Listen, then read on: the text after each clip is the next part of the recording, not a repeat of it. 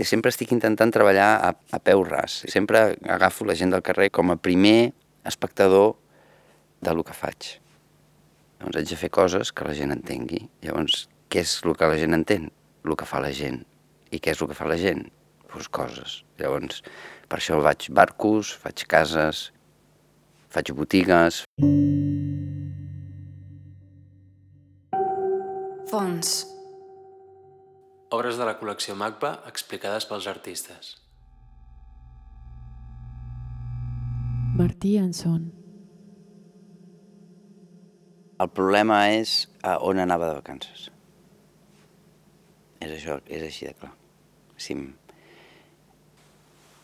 Quan jo era petit, a la nostra casa meva ens portaven a la Garrotxa, en un poble que hi havia 50 habitants, allò, perdidos a la mà de Dios. I era háztelo tú mismo. Llavors eh, ens muntàvem les bicicletes, ens muntàvem les casetes al bosc, ens muntàvem les palanques per tirar-nos al riu, ens muntàvem no hi havia res. Havíem de tenir una supervivència i aquesta supervivència és que els pocs nanos que érem ens ho fèiem tot. Llavors, això, vulguis o no, té una influència a l'hora d'actuar després. Per mi és una segona escola. O sigui, aquestes vacances són la segona escola, que és aprendre una relació directa. Però el que és interessant no és que ho féssim nosaltres mateixos, sinó que apreníem a entendre eh, que si volíem jugar ens ho havíem de fer nosaltres. Llavors jo tinc una foto molt maca de quan érem petits, que hi ha una foto tipus d'equip de futbol, que som els, els quatre amics col·locats com si fóssim d'equips de futbol, que anem amb samarretes de l'equip preferit. Ara ja vas a una botiga i la compres. Les samarretes ens les van fer, saps? I a darrere tens una porteria, que també la vam fer nosaltres, que no és, no, no és recta. O sigui, hi ha un pal més llarg que l'altre i, i la porteria està inclinada jo vaig aprendre a entendre que si volies fer-te una cosa te la feies encara que quedés malament, perquè aquella porteria servia per jugar a futbol. Llavors aquest factor jo crec que és molt important.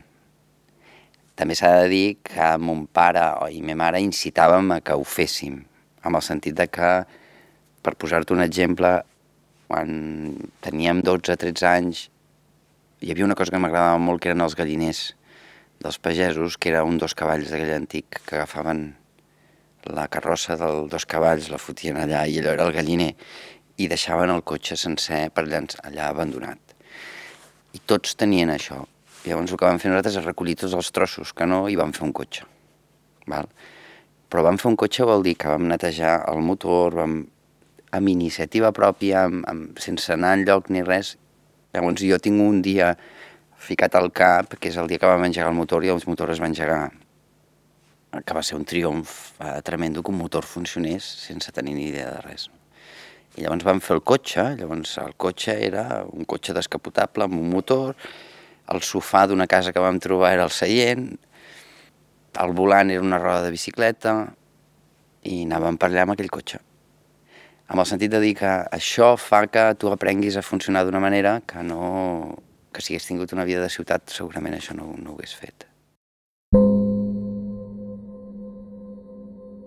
La formació és estudiant de Belles Arts.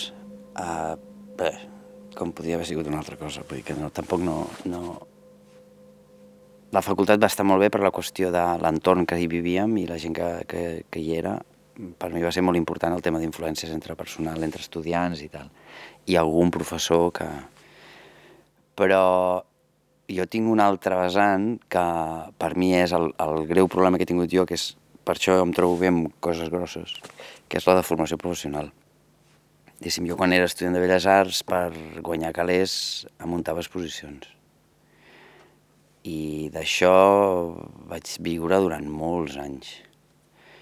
I això et fa veure el món de l'art d'una altra manera. I el tema dels processos, jo crec que surt d'aquí.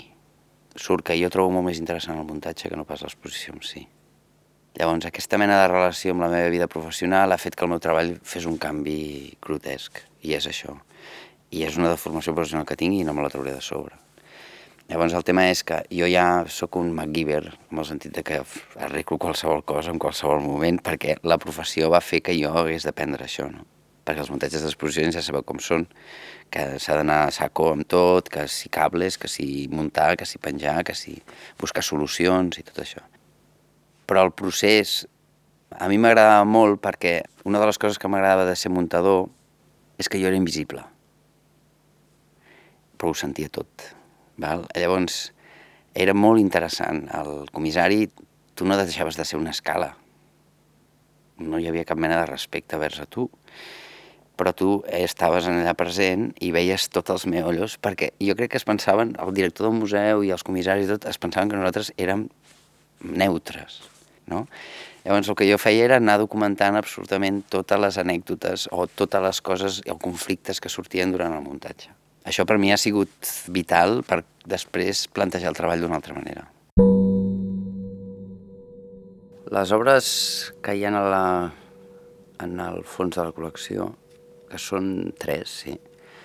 Són obres dels 90, que són, diguéssim, de la meva primera època, de quan començava a treballar. Llavors, en certa manera, són com assajos de lo que després ha passat. En sentit, diguéssim, no, no crec que siguin obres identitàries meves, sinó que parteixen d'una joventut ja passada i, i no són determinades. El que passa que sí que les tres en qüestió sí que són importants per mi perquè les tres van fer que hi hagués com un abans i un després d'aquests tres projectes. Les tres tenen una, una influència molt clara en aquella època dels artistes locals que hi havia aquí, vull dir, haig de reconèixer que és claríssim que hi ha unes influències molt clares de, de, diguéssim, de Pep Agut o més que res perquè el Pep Agut per mi, que jo vaig fer un workshop amb ell als 90, per mi va ser un, una peça clau per, per començar a treballar en sèrio. Si abans del Pep Agut era un idiota i després del Pep Agut vaig ser una mica més interessant amb el sentit de confrontar-me més o menys amb el meu treball. Llavors, aquest procés és com molt innocent, és molt escolar. I aquestes peces, en certa manera, tenen aquest punt de moment d'aprenentatge i d'introducció del, de, del meu treball dins la visibilitat pública. I en part hi ha una qüestió que m'agrada molt d'aquestes peces, és la qüestió d'innocència. Són molt innocents. Llavors són molt, són molt divertides en el sentit que quan les tornes a veure veus perfectament totes les falles que tenien i tot el, el de llances que tenien. Però són tres peces que van marcar les pautes de poder tenir després una vida professional dedicada al món de l'art. Al principi hi ha una qüestió, un, un factor clau en els meus treballs, que és la qüestió de la rellevància de l'espectador amb la participació de les peces. Llavors, les tres peces aquestes l'únic que parlen és claríssimament d'unes expectatives que no, que no hi són. Són treballs en els quals juguen amb, amb, una, amb frustrar, en certa manera, la visió, o passeig, o, o entendre uh, l'espai que hi ha entre una foto i una altra. No? És l'espai just del mig. Llavors la peça de Bon Dia, que no, no està aquí la col·lecció, però vull dir, la peça de Bon Dia jugava amb això, era un passillo... La peça més important era el corredor negre, la resta no importava. El corredor negre era on l'espectador entrava i es feia expectatives del que, el que veuria després del passillo. I el que passava és que es tornava a trobar en el mateix lloc que havia vingut, de tal manera que hi havia una rèplica, era com una absurditat. I aquest joc de jugar amb l'espectador és on jo vaig començar a treballar, com vaig començar a treballar així amb, amb, amb sèrio, entre cometes. Sobretot Eh, les peces eren arquitectures els quals el que feien era jugar amb l'espectador amb un sentit de trencar la visió normal i crear-li una qüestió de, de trencar-li unes expectatives que si em vaig a veure alguna cosa i resulta que ell m'ho prohibeix veure-ho o t'ho torno a repetir, vull dir que no hi ha res a explicar. Llavors són molt experiencials. Però això amb el procés del temps s'ha anat al carajo, eh? No... L'espectador existeix, però existeix d'una altra manera que és molt més crítica. L'ull de l'artista és una peça molt simple, al qual l'únic que faig és, és que això també ve vinculat amb el tema de muntador, perquè aquí ja ho era, que estava obsessionat amb el tema de com s'exposaven les peces. I llavors a l'ull de l'artista l'únic que faig és moure les parets per ajuntar-les i deixar només 20 centímetres de tal manera que tu no bueno, pots veure que hi ha peces a dins, però en cap moment les pots veure com les veuries en un museu. La del passadís, i que és la, Welcome, welcome, i la del rellotge parat diu dues vegades al dia a l'hora exacta. La frase aquesta del rellotge parat diu dues hores... És de Duchamp, eh? no és meva. Um, I el Welcome, welcome són dos peces que juguen amb el tema del pas del temps i aquell espai que queda just al mig. Llavors, el, La del rellotge és una foto a les 10 del matí i a les 10 del vespre del mateix espai, en el qual hi ha tot el dia concentrat al mig entre una cosa i l'altra. I en la del passillo el que passa és que tu tens un passillo amb una porta de vidre i veus a l'altre cantó i llavors dius vaig a l'altre cantó i a l'altre cantó estàs al mateix lloc que venies. Que més o menys és, és la premissa de la de Montcada, que era molt més exagerada a nivell de participació, perquè aquesta es veia molt. Però aquí hi ha una qüestió que jo trobo que no... que és el tema de la ficció, que és molt ficcionari, que és que tu veus l'estructura exterior en el sentit que tu veus que és un cubícul al qual tu hi has d'entrar. És molt diferent de trobar-te una porta amb una paret i haver d'entrar. No? I això és sempre una de les coses que a mi m'ha... apartar-me de l'arquitectura original. No fer intervencions en l'arquitectura net, sinó jugar amb l'espai. Sí, després el que faig jo és posar-me jo en el lloc d'aquest espectador. Llavors, com que faig aquest canvi, el... hi ha un problema de llenguatge que és que l'obra d'art desapareix. Llavors, no puc fer coses que la gent no entengui. Però llavors entra un altre component que m'agrada molt, que és per què ho faig. Val? Llavors, el vocabulari és completament diferent. Llavors, el meu treball, en certa manera, aquí la importància és l'arquitectura, i amb els projectes d'ara continuen sent arquitectures, però són arquitectures conegudes. Aquestes no eren conegudes, en canvi les que faig ara són conegudes. De tal manera que l'espectador quan entra doncs veu mobles, o veu un barco, o veu una casa, de tal manera que ja no haig de donar explicacions del que faig, sinó l'explicació que hi ha és la posterior, que és per què ho faig. Llavors aquí és quan agafes les històries i es torna amb un treball molt més narratiu cosa que aquí la narració la creava l'espectador i ara la narració la creu jo. L'estratègia que tinc jo és els meus projectes sempre fer alguna cosa que ha fet algú abans. De tal manera que em trec ja fins i tot l'autoria. Llavors, tots els meus projectes, algú o ha passat abans o algú ho ha fet abans. De tal manera que ja, ja tinc una història a agafar. I acostumen a ser sempre històries que estan molt a prop meu. Vull dir, 500 metres quadrats al voltant meu, vull dir que no, no me'n vaig a la Xina.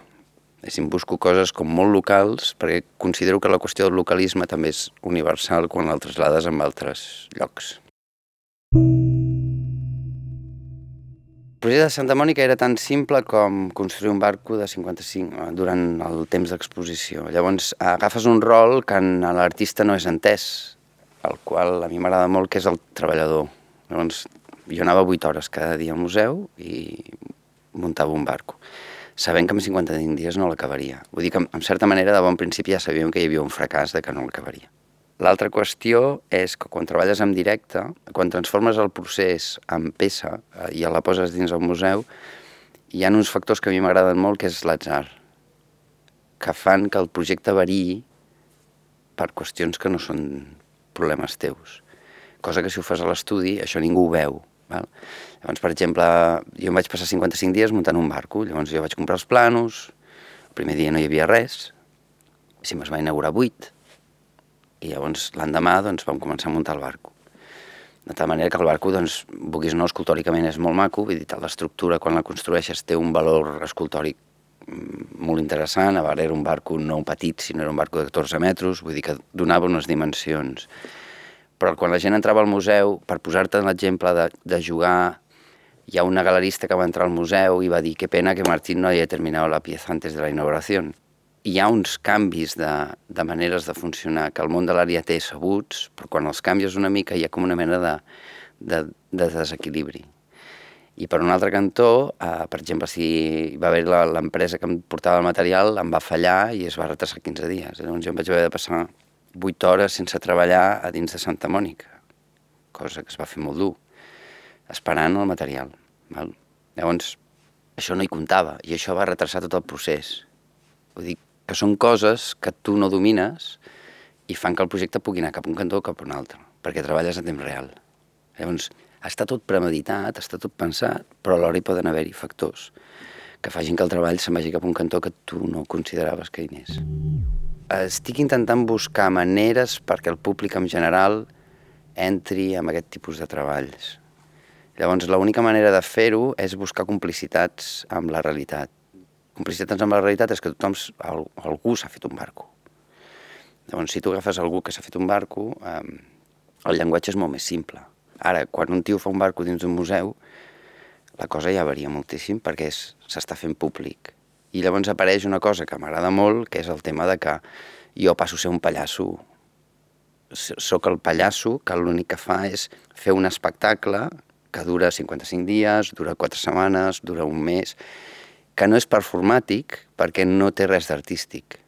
Vull dir, si faig un barco, eh, compro els planos de veritat i faig un barco de veritat.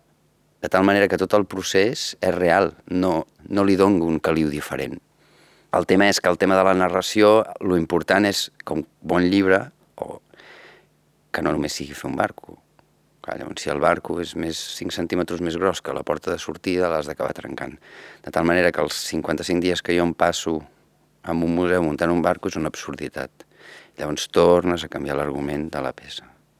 Però què passa amb això? Que l'espectador, les visites que reps no són d'arts només.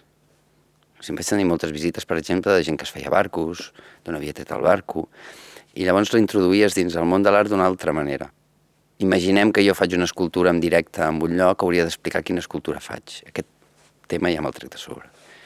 Llavors la gent normal és fer-se un bar com un museu i llavors agafes el toquet de aquest tio està sombat. Val? Llavors entres en un diàleg molt diferent en el qual no deixa de ser artístic perquè està dins d'un museu i el plantejament és posar en dubte la meva feina perquè l'acabo destrossant, però les visites anaven d'un cantó i l'altre.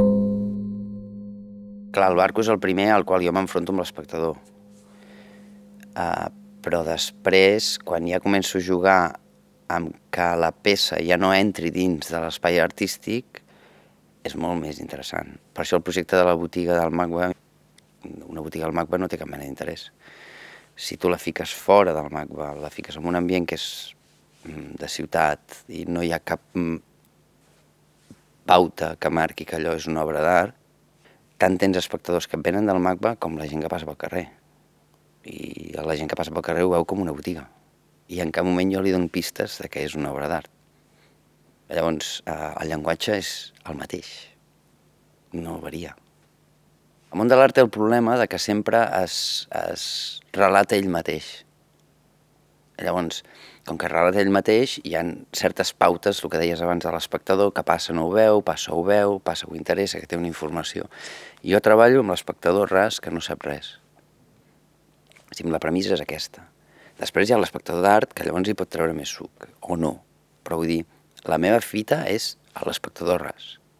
El que passa que el problema que tinc, que és una gran contradicció, és que en els llocs on jo puc treballar, l'espectador ras no participa de la manera que jo m'agradaria que participés. Per això et dic que allò de la botiga fora del MACBA és per treballar amb l'espectador del carrer. Llavors, eh, ells ho veuen com una botiga, per mi és vàlid ells ho veuen com una obra d'art, la gent que ho ve, per mi és vàlid. Però vull dir que no, no miro des de dalt, mai. És que no, no, no m'agrada. M'agrada més treballar des de ras. Llavors, uh, per això apareixen certes coses que és, per exemple, la loteria o coses d'aquestes, els quals s'introdueixen en el món normal amb una facilitat tremenda, perquè el llenguatge és molt fàcil, que és, compres un número i guanyes un moble, però és que el número és una peça. Val? Llavors, hi ha gent que compra el número per la butaca hi ha gent que compra el número per la peça. Clar, llavors aquest doble joc sempre existeix, però jo estic pensant en el que compra el número per la butaca. Amb el sentit de, jo estic fent una loteria normal i corrent. El que passa que formalment té diferents jocs perquè no sigui una loteria normal. Però quina contradicció té això, que em trobo amb aquesta sorpresa, que és, si tu guanyes la butaca, m'has de donar el número guanyador. Val? Doncs amb un que li va tocar eh, estava pensant si donar-me el número guanyador o quedar-se a la butaca. Clar, llavors ja entres en un altre, en un altre discurs. Bueno, si mires els, els treballs últims que està fent la gent i tal, és, són molt participatius tots. Vull dir que tothom està fent, intentant buscar una manera de, de vincle amb el públic. Ha, hi ha hagut un canvi bastant gros els últims anys de que de que fins i tot les institucions ho han començat a assumir, però l'artista mateix ja, ja no treballa mm, tancat a l'estudi fent les coses i després exposant-les, sinó que ja busca vincles amb, amb altra gent, busca maneres de treballar, busca obrir a que el món artístic tingui un camp molt més obert i no només sigui l'art. Llavors, vull dir que ha ja hi ha una inquietud envers això. El que passa que jo no sé quina és la solució. Per una qüestió bàsica que no tenim representativitat, eh, no tenim visibilitat social. Llavors, és un altre repte que costa bastant. Bueno, portem molts anys amb aquest problema i no hi ha manera de, de trencar, la, de trencar la, la muralla aquesta. Vull dir, quan t'entrevisten a la ràdio et, et pregunten si tu el que fas és art, val? que és una pregunta d'aquelles que dius la mare que et va parir. Però quan entrevisten al Bisbal no li pregunten que si el que fa és música. Llavors, no tenim superada aquest, aquest nivell que a mi m'entrevistin com una persona normal que em dedico a això, sinó que sempre quan t'entrevisten o parlen amb tu dins el món de la ràdio, tu has d'estar a la defensiva, cosa que tens sempre l'has de perdre, que has d'explicar el que fas. Um, no, per què ho fas o per què... I l'altra persona no, no hi ha un diàleg possible que podries... O sigui, a mi m'encantaria que m'entrevistessin a la ràdio i parléssim de bolets, no? No, entens? Eh? Hem convidat avui el Martí Anson, artista d'art contemporani, i avui parlem de bolets. Parlem de bolets, que és el que fan els altres. Els altres, teatre, cinema, música, tenen aquest tipus de llenguatge amb, amb l'àmbit normal i t'introdueixes en el món normal amb una facilitat tremenda. En canvi, quan ho fem nosaltres, hem d'explicar el nostre tot el dia. I aquest és el problema. Jo vull que la gent valori que un artista és una persona normal, però no precària. Perquè la precarietat existeix a totes les professions. Llavors jo estic molt cansat dels artistes precaris. O sigui, el fet d'elegir que ets artista no vol dir que te n'hagis de sortir, però això no vol dir que un paleta se n'hagi de sortir també. Vull dir que el tema de crear un llenguatge normal uh, jo crec que als artistes ens, ens, ens és uh, necessari. Llavors jo odio la paraula precarietat. Més que res perquè jo conec gent que està més precari que jo i no es dedica al món de l'art. Llavors, la precarietat és una terminologia que utilitzem per crear un victimisme que no existeix. Vull dir que si comencem a parlar de precarietat, podem parlar de precarietat amb, amb totes les professions. Llavors, el tema de la normalitat, de crear un llenguatge normal en la professió d'artista, jo crec que és una cosa essencial de posar-ho sobre, posar els punts sobre la i que un artista és una persona normal i corrent que pren el cafè al mateix bar que una altra persona, que no hi ha diferències. I hi ha una qüestió bàsica que, diguéssim, la meva generació ve de classe treballadora. Llavors, no som artistes som artistes de l'acció eh, sabent eh, lo difícil que serà venint d'una classe d'uns pares de classe treballadora per tirar endavant aquest tipus de projecte.